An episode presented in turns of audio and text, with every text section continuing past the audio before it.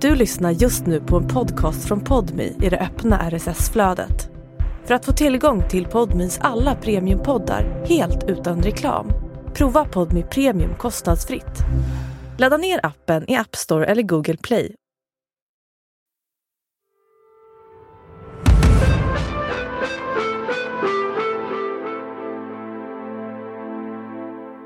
Jag vet bara att jag blev väldigt tom. Jag trodde inte det var sant. Man blir så chockad så man vet kroppen bara reagerar att man liksom nästan började skratta för att det var så sjukt besked att få. Det är en eftermiddag i början på februari när syskonen Rebecka, Alexandra och Tobias får veta något som skakar om dem i grunden. De har alla blivit till genom insemination på sjukhuset i Halmstad. Men det är något som inte stämmer med uppgifterna som syskonen fått ut om sina spermadonatorer. Jag tycker så fruktansvärt synd om de här männen som har blivit lurade. Och man, jag känner mig lurad. Det finns ju liksom ingenting som stämmer överens med det som man trodde det skulle vara. Det rör sig om en vårdskandal som ingen trodde var möjlig. Där inget är som det först ser ut att vara. Och där flera människors liv kommer förändras för alltid. Jag minns att jag i princip skriker rätt ut. Herregud, det är inte sant. Alltså det, det, var ju verkligen den reaktionen. Vi hade aldrig kunnat ana det. Jag menar det här, det, det, är ju inte på kartan att det ska hända. Går man till sjukhuset så ska man ju vara... Ja, det är ju den tryggaste platsen du kan vara på. Eller ska vara. Du lyssnar på Podmi dokumentär om de stulna spermierna. En serie i två delar av mig, Amanda Saveland. Det här är första delen.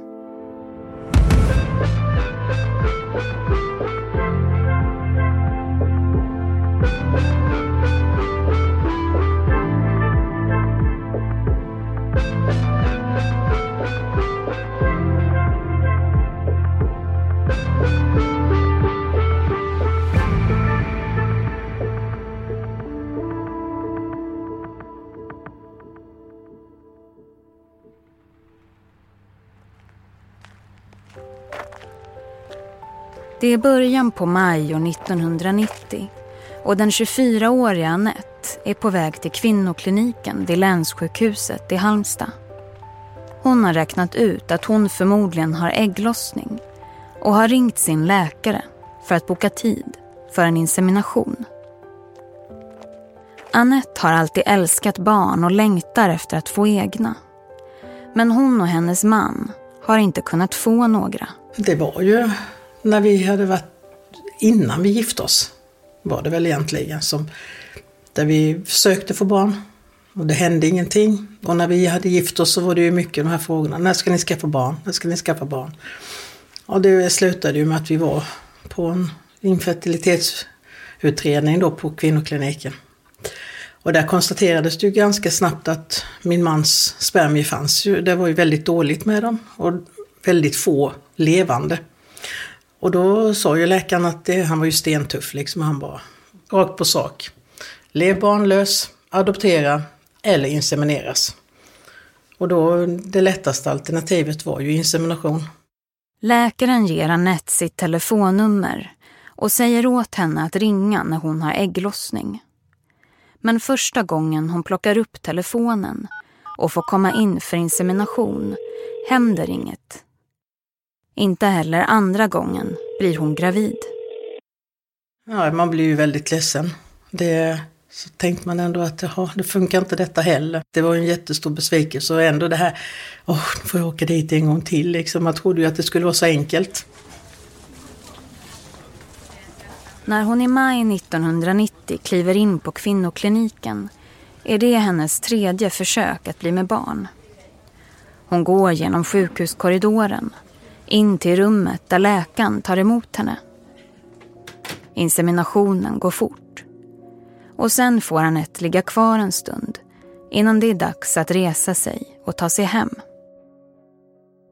Sen går veckorna och hon får beskedet att den här gången har det lyckats. Hon har blivit gravid och väntar en dotter. Ja, jag var nog i sjunde himlen. Och det, man följde allting. Eh, ja, jag läste böcker och man följde hela tiden hur det skulle vara. För det är ju också annorlunda mot vad det är idag. Idag får du se ultraljud, du får ju nästan se hur bebisen ser ut. Alltså det fanns ju ingenting. Det var ju Lennart Nilsson, Ett barn blir till, som han följde och tittade hur de utvecklades och så här. Men det är inte bara Annette som bläddrar i Lennart Nilssons bok Ett barn blir till det här året. Fotografierna som visar hur ett barn långsamt växer till sig i livmodern fascinerar även Bengt, som bor en bit utanför Halmstad och som efter att länge varit tveksam till om han vill skaffa barn har beslutat sig för att han vill bli pappa. Min fru hon tyckte att det är klart vi ska ha barn gemensamt. Och det var givet för henne. Men jag hade väldigt svårt att ta det beslutet. Eh, jag gick och tänkte på det här nu ska du och jag vill leva ihop resten av våra liv och finnas där. Och det kände, det kan jag inte lova. Och då kände jag, nej då vill jag nog inte skaffa barn. Men sen kom jag underfund med den där klockrena grejen att jag kan vara pappa hela livet. Och det kunde jag ju lova. För då, det är ju upp till mig själv. Och då sa jag okej, då kör vi. Och då hade vi en tuff resa med ett antal missfall innan. Och sen blev det en fertilitetsundersökning. Efter missfallen, som tagit hårt på Bengt och hans fru, kommer de till kvinnokliniken i Halmstad för att göra en fertilitetsutredning. Där möts de av samma läkare som Annette fick ringa till när hon hade ägglossning. Han var väldigt mån om att jag skulle få barn. Eh, för frugan hade ju barn sedan innan. Han ville inte se... Eh, eh, han var mån om att inte någon skulle behöva gå barnlös genom livet. Så hade man en önskan om att få barn så var han väldigt mån där. Så upplevde jag det. Det är den 10 maj 1990 när Bengt kommer till kvinnokliniken för att lämna ett fertilitetsprov. Och efter att ha tittat på Bengts provresultat kan läkaren konstatera att allt ser ut att vara i sin ordning. Och sen fick vi barn utan att det tog sig själv. Eller det tog sig själv och sen var det väl bara med hormonsprutor eller vad det nu är de sysslar med. Så att då kom det ju ett välskapsflickebarn. Det var ju eh, det var jättestort. I väntan på att dottern ska födas bläddrar Bengt i hur ett barn blir till. Boken blir nästan som nattlektyr och han följer hur barnet utvecklas, ser på fotografierna och förundras. När dottern sedan föds är det en augustinatt 1991. Solen håller på att gå upp när Bengt sätter sig i bilen efter förlossningen och kör hem från sjukhuset. Den känslan den natten när jag åkte hem där på morgonen, den var euforisk. För hon föddes vid 12 jag tror jag fick åka hem vid femtiden. Då fick jag inte vara kvar där längre för då skulle hon vara ensam. Så då körde jag hem. Och sen när man väl kommer hem och stänger dörren så går man ju ett litet rus. Bengt är lycklig över att ha blivit förälder. Han kommer aldrig träffa läkaren eller komma tillbaks till kvinnokliniken igen. Men vi kommer få anledning att återvända till Bengt. För det ska visa sig att läkaren som både han och Annette träffade, han som var mån om att uppfylla barnlösas önskan om att bli föräldrar, han som Annette beskrev som stentuff och rak, 30 år senare ska stå i centrum för en granskning som kommer beröra dem båda och som kommer visa på allvarliga fel som skett under flera års tid. Hösten 2022 får reportern Lisa Jarenskog som jobbar för Uppdrag granskning upp ögonen för ett antal fall där donatorbarn inte kunnat få ut uppgifterna om vilka som är deras biologiska pappor. Enligt svensk lag har alla donatorbarn som blivit till sedan 1985 rätt att få veta sitt biologiska ursprung. Men Lisa hittar tre fall där donatorbarn hört av sig till sjukhusen där de blivit till och inte fått ut informationen om sina donatorer. hade ett donatorbarn som hade liksom blivit ifråntagen rätten till sitt ursprung. Och jag kände väl också lite grann att det inte var någon riktigt som brydde sig om det. Eh, och så ville vi titta på ifall det eventuellt fanns något mer missförhållande kring det faktum att sjukhusen då inte hade kunnat lämna ut uppgifterna. Två av barnen som Lisa får kontakt med har kommit till med hjälp av spermadonation vid länssjukhuset i Halmstad. Där får den ena höra att det inte finns någon information om hennes spermadonator att få. Medan den andra får ut ett felaktigt namn på en donator som det ska visa sig att hon inte alls är släkt med.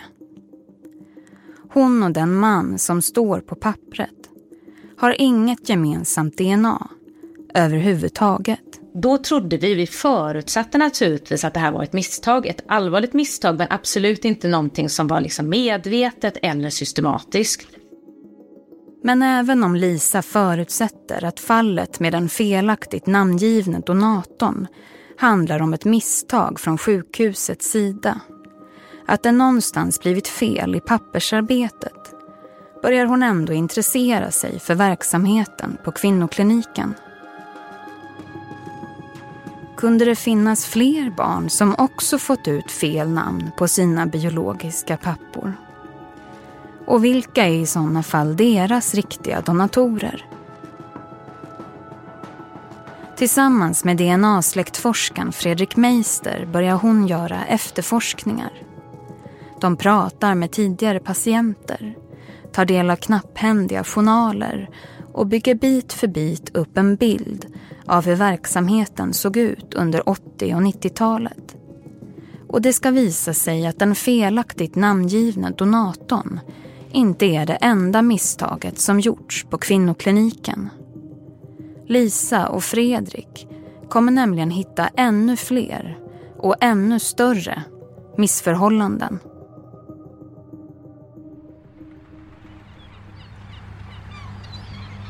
Det är slutet på 90-talet då hemma hos Anette har fotoalbumen börjat fyllas på med barnbilder. Dottern Rebecka, som föds i januari 1991, finns med på många av fotorna. Men hon är inte ensam.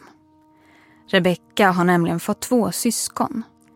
En lilla syster och en lillebror. Som också blivit till genom insemination på kvinnokliniken i Halmstad. Det är bara en massa bilder på ungarna vet du. Mm. Ett till dig och ett... Där är du Becka. I ja. alla fall. Det, direkt när Rebecka var ungefär ett år. Då bestämde jag mig för att nu testar vi igen.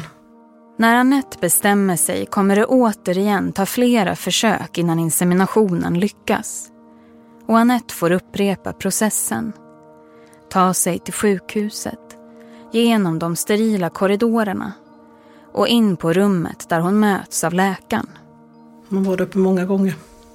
Och man fick ju gå lite på känn. Jag menar som i dagens läge, alla hjälpmedel som finns. Eh, det är ägglossningstester, det är det och det är det.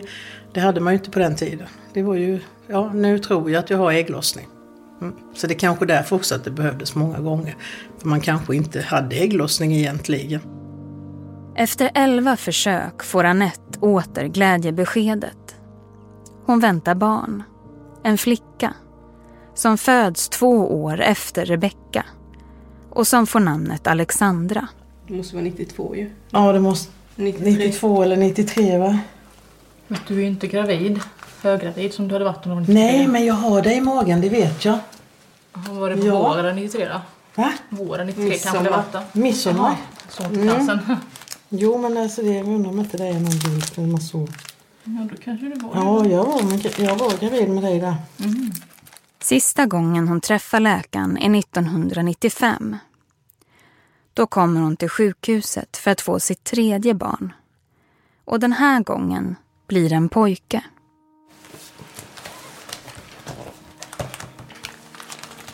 Nej, Tobias. Han är så lik världens sötaste unge. har stora kolsvarta ögon har han.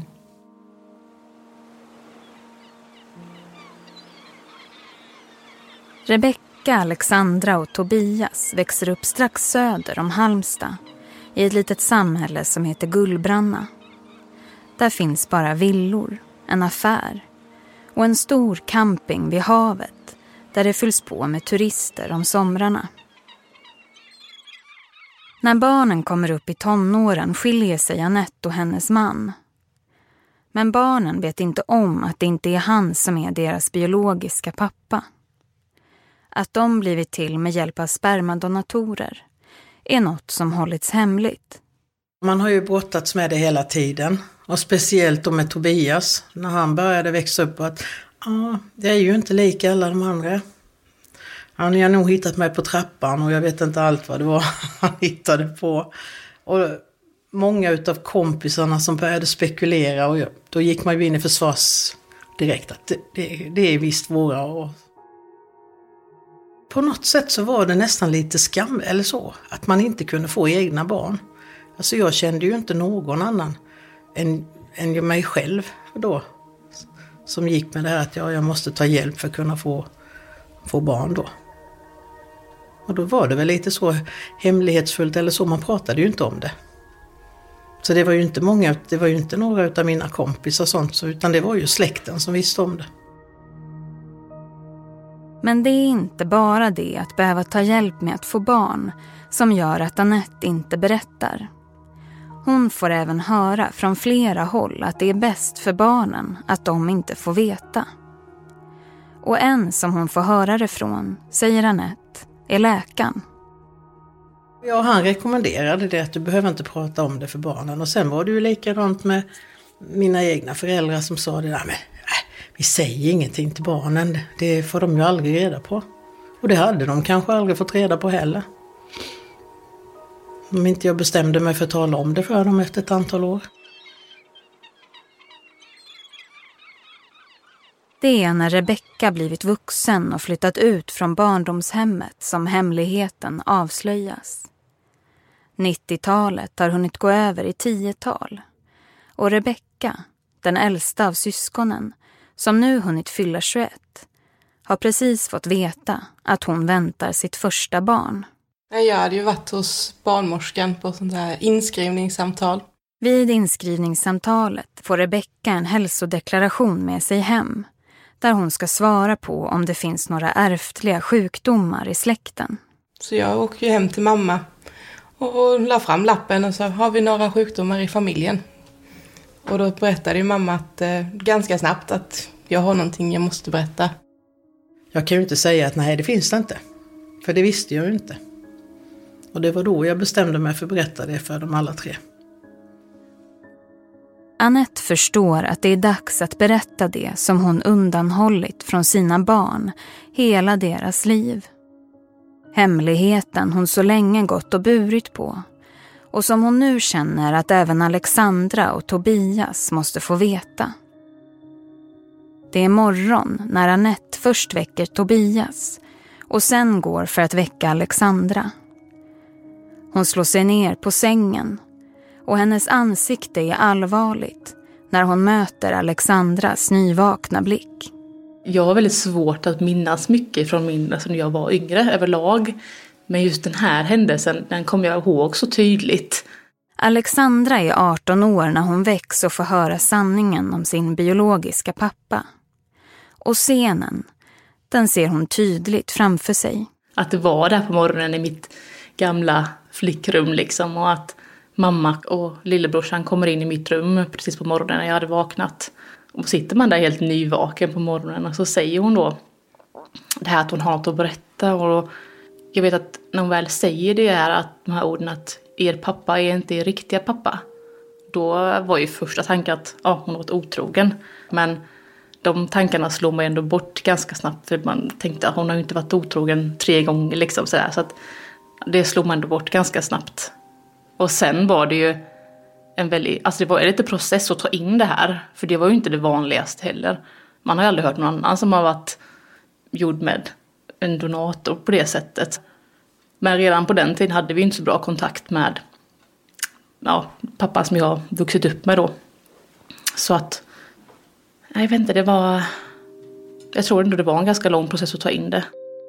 För Annette känns det som en lättnad att inte längre behöva undanhålla att barnen blivit till med hjälp av spermadonatorer. Det känns skönt att slippa rädslan för att råka försäga sig att hemligheten är ute och att barnen vet om det. För Alexandra tar ett tag att smälta beskedet. Men Rebecka reagerar annorlunda. Jag tänkte inte så mycket på det sen. Tänkte, ja, jag vet inte vem min pappa är.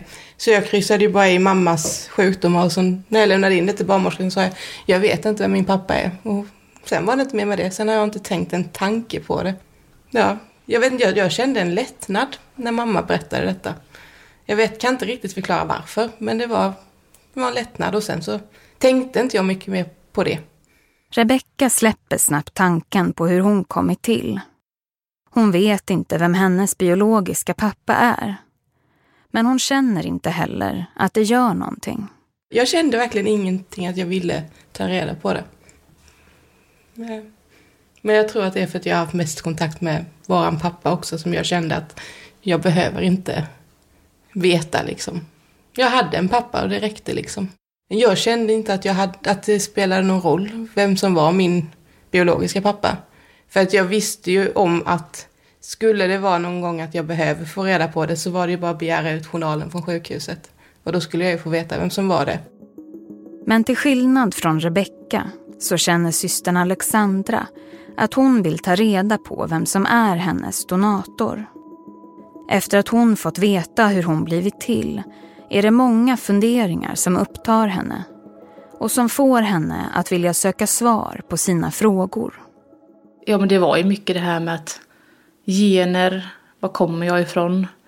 Ehm, och eh, som sagt, jag hade ju inte mycket kontakt med min eh, pappa som jag växt upp med då. Ehm, så man börjar ju fundera mycket på ja, men var man kommer ifrån helt enkelt. Och eh, hur utseendemässigt också. Hur den, vilka gener man har fått från pappan eh, med utseende och allt det här. Skulle jag väl säga att det var de eh, första tankarna. De där första tankarna dröjer sig kvar. Hon vill veta sitt genetiska ursprung. Jag var nog ganska inställd direkt på att jag ville eh, ta reda på det här. Och det berättade ju mamma också att vi eh, kan, kunde ta reda på när man har fyllt 18 då. Men att hon inte kan göra det utan det måste vara vi själva som tar reda på det. Så att det kände jag nog ganska snabbt att jag ville göra. Att som donatorbarn kunna begära ut uppgifterna om vem som är ens biologiska pappa är sedan 1985 inskrivet i svensk lag. Spermadonatorernas identiteter skulle inte längre vara försedda med anonymitet. En lagändring som Sverige var först i världen med att genomföra. Det var ju det dummaste man hade hört talas om, tyckte ju många andra länder.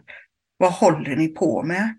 Så beskriver Ann-Turin Kjellberg, som är universitetssjukhusöverläkare vid Salgrenska och som själv jobbat som läkare inom reproduktionsmedicin sedan 90-talet, reaktionerna från omvärlden.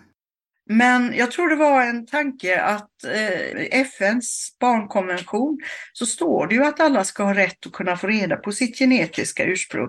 Så jag tror att det faktiskt var det som föranledde eh, våra vid den tidpunkten ganska framsynta eh, riksdag att, att besluta om detta. Och med lagen på plats kom spermadonationen i Sverige att genomgå flera förändringar. Då ändrade sig ju hela scenariot rätt mycket. Att det blev mycket mer formellt. Man upprättade journaler, man gjorde det hela mer eh, strukturerat. Och eh, i och med att de skulle vara icke-anonyma då för ett barn som skulle kunna bli till med den här behandlingen så fick man ju informera då donatorerna om detta. Och med den nya formaliteten och vetskapen om att man inte längre var anonym försvann många av dem som tidigare donerat spermier. Det var unga killar, det var, kunde vara militärer, brandmän, Uh, liksom uh, blodgivare var vanligt att man frågade kan inte du donera lite sperma också? Jo visst sa de. Eh, men nu visste man ju att man kunde bli kontaktad, att det skulle finnas en möjlighet för barn att söka upp en. Och då tänker jag mig, utan att egentligen någon har gjort någon vetenskap av detta, att eh, de här unga grabbarna kanske inte längre var i första hand som ville ha lite ölpengar, utan det blev en annan klientel som kanske egentligen är lämpligare för donation. Att man har tänkt igenom det hela och vill hjälpa andra och vill göra liksom en insats och inte har något emot att tänka sig att eventuellt bli kontaktad i framtiden då. Det är 2014 och tre år har gått sedan Alexandra och hennes lillebror Tobias väcktes på morgonen av sin mamma och fick veta att de båda blivit till genom spermadonation. De har båda bestämt sig för att begära ut uppgifterna om deras donatorer från sjukhuset i Halmstad. Och nu när de båda fyllt 18 är det dags. Alltså vi satt ju inte tillsammans och gjorde men vi sa liksom att vi skulle eh, ta reda på det här. Eh, och då ringde jag ju till sjukhuset vet jag. Eh, och sa det här, liksom förklarade att jag hade blivit till genom insemination under de här åren. Att jag ville få ut journalen på vem som var min donator då. Um, och det första jag fick var ju väldigt, det var motstånd liksom att nej men vi har inte gjort det här. Det känns ju jättekonstigt och jag bara men detta var ju nu, ja 20 år sedan liksom, så att det är ju inte något som hänt idag men då gjordes det ju. För mamma har ju varit där uppe och gjort det liksom, vi vet ju att det har hänt. Um, och så efter mycket om och men då så uh, skulle hon höra av sig igen och så ja, hade hon väl kollat upp och jo det hade ju skett och så hon sa vi skickar ut som ett rekommenderat brev. Det går ett par dagar. Sen får Alexandra veta att hon har ett brev att hämta ut.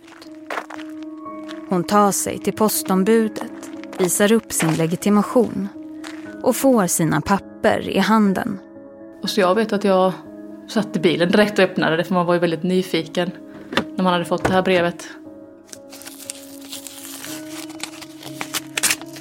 Ehm, och det stod namn och ett personnummer men det fattades de fyra sista siffrorna. Där stod bara kryss, kryss, kryss. Ehm, och så började vi ju söka liksom på internet efter det här namnet och personnumret och det här och fick då upp en, eh, men en eh, annons på en gravsten liksom. Så vi slog på att det måste vara hans grav liksom. Och då hade han ju dött tre år innan jag blev till. När Alexandra ser donatorns dödsannons inser hon att de frågor hon gått och burit på kommer förbli obesvarade. För henne fanns aldrig möjligheten att söka upp sin biologiska pappa. Han hade ju varit död. Tre år innan hon blev till på sjukhuset. Det var ju en väldig besvikelse skulle jag säga. Um, hade, man hade ju förväntat sig att det var någon som var i livet.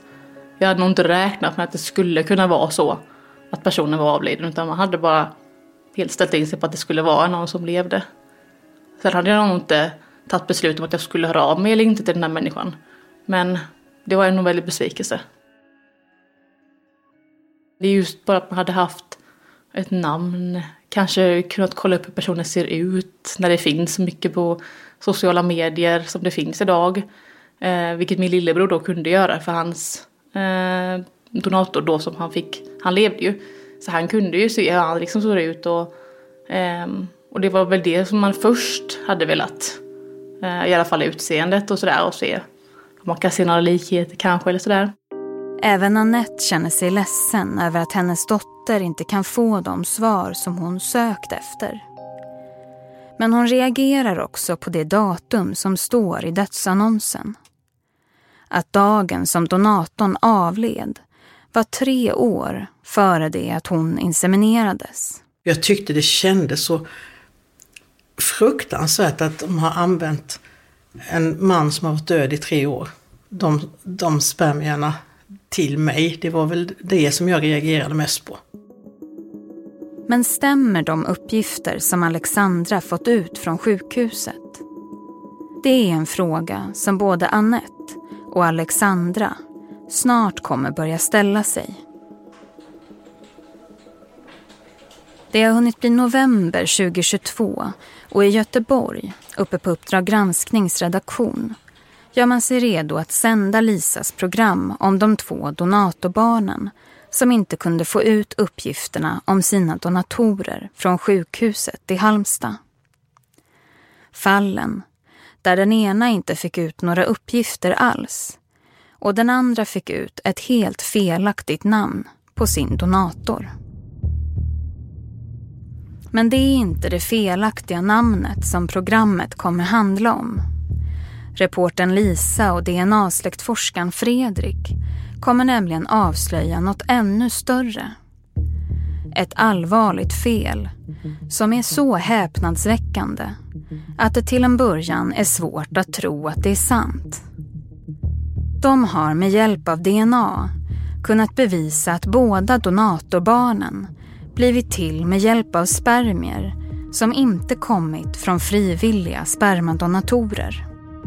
Barnens biologiska pappor är män som inte vetat om att deras spermier används för insemination. De har aldrig donerat sperma. Däremot har de båda varit på kvinnokliniken för att lämna fertilitetsprov. Prover som sen används utan deras medgivande och gett upphov till nytt liv. De två donatorbarnen har blivit till med spermier från helt ovetande män.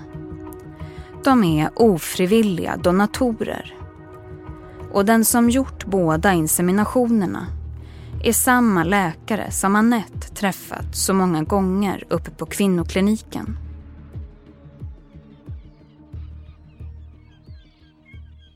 Det är onsdag den 23 november när Uppdrag granskningsprogram sänds.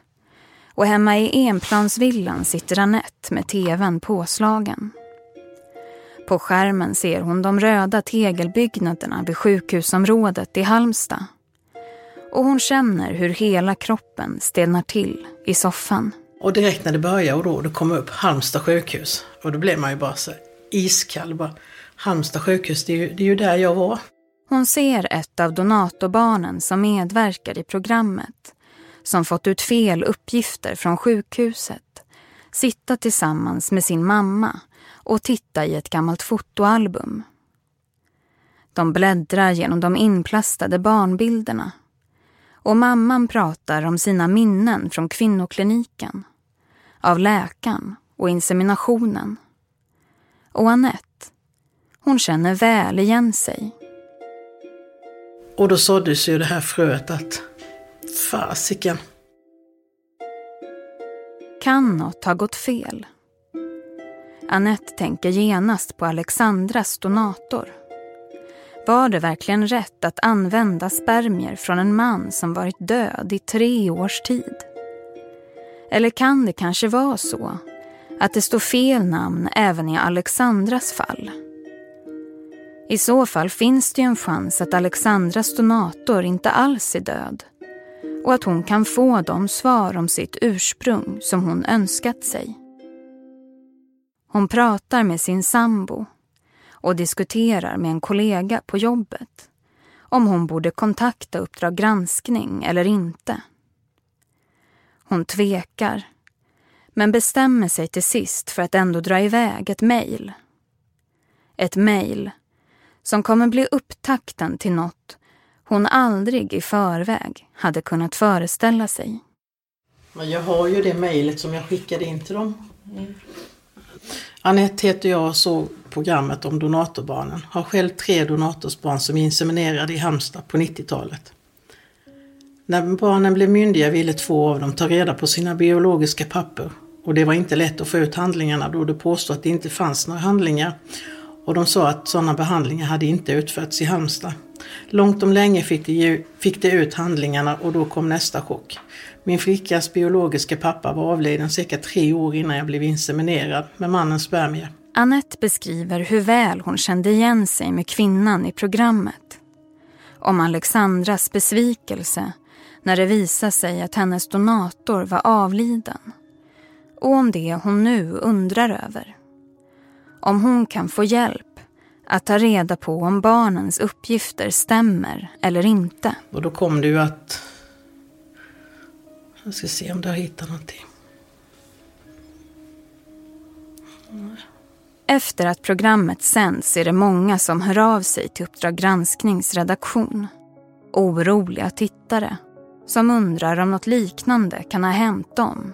Både jag och Fredrik fick ju ta emot eh, en hel del mejl och kommentarer från andra donatorbarn och inte minst föräldrar till barn som tillkommit med hjälp av, av donatorer som var oroliga och inte minst då ifrån eh, Halmstad eller från de som hade varit på sjukhuset i Halmstad.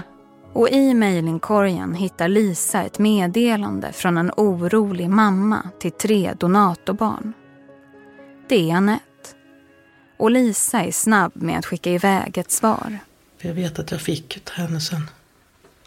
Hej Anette, det är det Lisa Jorenskog som skriver. Hej Anette, jag var reporter för uppdraget. Reportaget Sveket mot donatorbarnen och läste ditt mejl Every year, one thing is always predictable postage costs go up. Stamps.com gives you crazy discounts of up to 89% off USPS and UPS services, so your business will barely notice the change. Stamps.com has been indispensable for over 1 million businesses just like yours. It's like your own personal post office. No lines, no traffic, no waiting. Sign up with promo code PROGRAM for a four week trial plus free postage and a free digital scale. No long term commitments or contracts. That's Stamps.com code PROGRAM.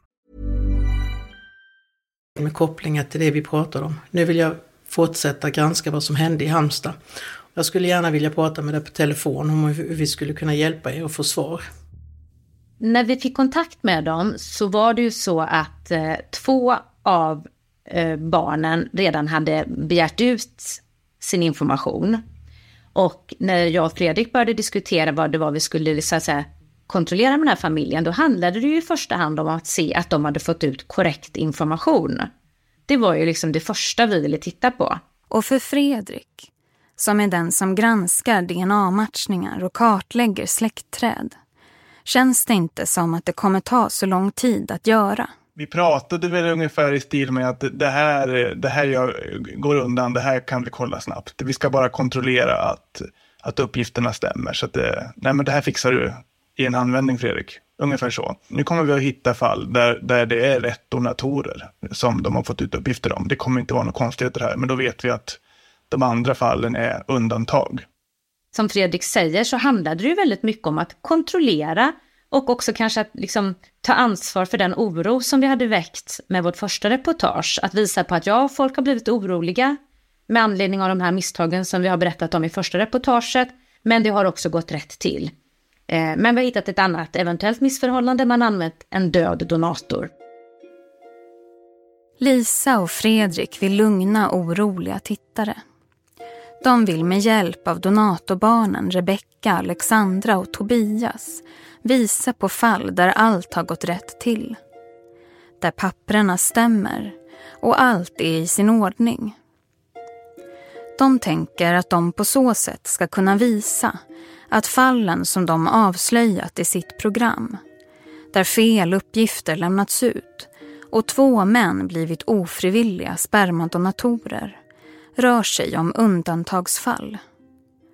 Men riktigt så kommer inte sluta. Jag tänkte nog bara att ja, men vi kommer få svar. Eh, att det är som det är. Att det är det som står på papperna. För jag trodde faktiskt inte någonting annat. Fastän att jag hade förhoppningar om att oh, är det någon som det ska vara fel på så ska det vara på Alexandras. Så att eh, det finns några andra uppgifter att gå vidare med det. Efter att Annette mejlat och fått svar från Lisa bestäms det att familjen ska DNA-testas. Det är veckan före jul när de samlas allihopa hemma hos Alexandra. I fönstren på gatan lyser julstjärnor. Och Lisa, som åkt dit för att möta familjen, har med sig DNA-kitten som ska ge svar på den fråga som Annette hörde av sig med. Om barnens uppgifter stämmer eller inte. Vi registrerade och stod på datorn och spottade i de här kopparna och, och så skickades det iväg då. De skruvar på locken på provrören och lägger dem i förslutna påsar. Sen packas de ner i små vita kartonger och skickas iväg för analys. Men att få veta vad resultaten visar kommer dröja. Att få svar tar ungefär en och en halv månad. Och medan de väntar sätter Fredrik igång och tittar på uppgifterna som Alexandra och Tobias fått ut om sina donatorer från sjukhuset. Såväl Alexandra som Tobias har länge trott sig veta vilka deras donatorer är eftersom de begärde ut uppgifterna från sjukhuset så snart de båda fyllt 18. Rebecka däremot har till skillnad från sina syskon inte velat veta identiteten på sin donator. Hon har inte känt att det spelat någon roll. Men efter att ha sett Uppdrag granskningsprogram börjar hon tänka om. Det är ju efter att jag har sett första programmet. När man hör talas om att det har varit felaktigheter. Så då känner jag ju att eh, när Lisa de ska komma hit första gången så ja men då vill jag nog också ta reda på om det står rätt till med mig liksom. Rebecka tar också ett DNA-test. Och så bestämmer hon sig för att göra som sina syskon. Hon kontaktar sjukhuset för att få ut uppgifterna där donatorn, som hon aldrig känt att hon velat veta identiteten på, står namngiven. Jag får ju samma som Alexandra, att eh, det är inga fyra sista siffror. Eh, och jag, ganska snabbt så kände jag igen namnet. Så jag googlar ju eh, snabbt upp det och konstaterar att det är en gammal, en gran, gammal granne till mig, hennes pappa, som jag har fått som donator då. Och sen, jo då tänker jag att ja, men vi är nog lite lika så det är nog inga konstigheter där. Ja men jag tyckte att det var lite, lite lustigt eller sådär för att mina barn och hennes barn går ju i sko samma skola och tänker ja det var ju komiskt att vi har bott så nära liksom. Eh, jag kollar, försöker ju hitta likheter mellan henne och mig när man kollar bilder på Facebook och sådär men det kan jag liksom inte riktigt känna att vi var lika varandra. Men, nej. Men sen tänker jag nog inte så mycket mer på det faktiskt. Jag, ja, jag tänkte att det är det stämmer ju och då vet jag det. Nu har alla tre syskon fått fram uppgifter om vilka deras donatorer är. Och Fredrik tittar närmare på deras namn och personnummer och börjar efterforska. När jag får veta identiteten då på de här tre donatorerna med namn och personnummer så börjar jag ju titta på, på dem och deras släkt, kartlägger den här släkt, de här släkterna i några generationer bakåt. Så, efter en och en halv månads väntan kommer slutligen resultaten från DNA-testerna. Så fort som vi får resultaten sen så börjar jag ju titta då på de så kallade DNA-matchningarna, det vill säga personer då som de här eh, barnen eh, matchats mot för att de har gemensamt DNA. Och då har vi även DNA-testat deras mamma Anette så vi kan ganska enkelt se vad som hör till den biologiska pappans sida och vad som är på, på mammas sida, det vill säga Anettes. Genom DNA-matchningarna kan Fredrik se hur väl träffarna stämmer överens med donatorernas släktträd. Och han inser snart att det inte finns något gemensamt mellan dem. Inga grenar, inga stammar de är inte släkt. Rebecka, Alexandra och Tobias har alla tre fått ut fel information från sjukhuset.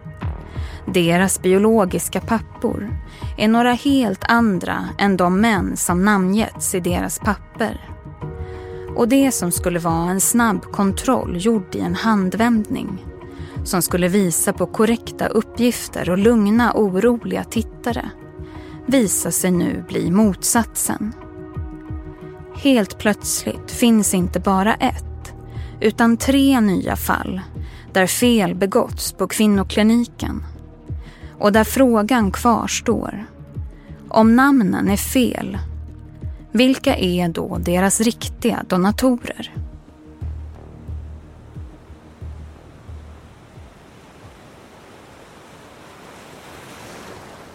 Det är början på februari 2023 och Annette är på semester i Thailand. Solen och värmen är något helt annat än mörkret som ännu inte gett med sig hemma i Sverige och som Rebecka, Alexandra och Tobias sitter samlade i. De har bestämt träff med Lisa och har alla tagit sig hem till Rebecka för att få veta vad Fredriks efterforskningar hittills kunnat visa. Vid det långsmala köksbordet sitter syskonen uppradade intill varandra. De lyssnar till Fredrik som finns med på länk och som berättar för dem att det osannolika har hänt igen. Att ingen av deras donatorer stämmer. Det blir så surrealistiskt på något sätt. Man vet inte om man ska skratta eller gråta. Man blir så chockad så man vet att kroppen bara reagerar att man liksom nästan började skratta för att det var så sjukt besked att få. Och då ringer de ju upp mig i Thailand också när de sitter där på rad alla tre ju. Det, man fattar inte att det är sant ens. Man blev helt bara... Nej, alltså så mycket som man har diskuterat detta och pratat om detta. Man, man, man tror ju... Jag tror Jag kan inte fatta det fortfarande. Jag vet bara att jag blev väldigt tom. Jag trodde inte det var sant. För han börjar först med att Alexandra inte stämmer. Och då tänkte jag bara, men gud vad skönt, då kanske hennes lever. Det var det första jag tänkte. Och sen när han då säger att Tobias inte stämmer så tänkte jag, ja men det, det kunde jag väl ändå köpa för han var ju inte lik sin donator. Men jag var helt säker på att mitt fortfarande stämde. Tills han då sa att inte det gjorde det.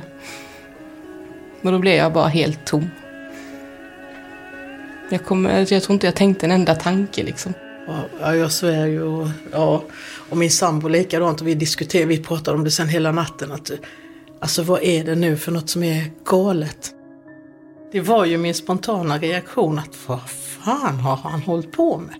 Då började man ju fundera på vad, vad som hade hänt. Hur det kunde bli så fel liksom. Och vem det nu istället skulle vara. Vilka är de riktiga donatorerna? Och hur blir det nu för Alexandra? Kan det hända att hennes biologiska pappa i själva verket är i livet? Snart kommer alla få veta hur det verkligen ligger till. Men att ta till sig sanningen kommer inte vara lätt för någon av dem. Det tog mig väldigt hårt. Jag blev väldigt eh, ledsen. För man kände det att alltså alla har ju blivit svikna. Jag tycker ju att det Eh, jobbigt att det har varit så mycket fel. Det stör mig att det har gått till på detta viset. Alltså hade detta varit på tv, en amerikansk film, så hade jag nog stängt av den för att den är så dålig den där filmen så den, den åker jag inte se färdigt på. Att det skulle kunna hända i verkligheten, det fanns inte på kartan.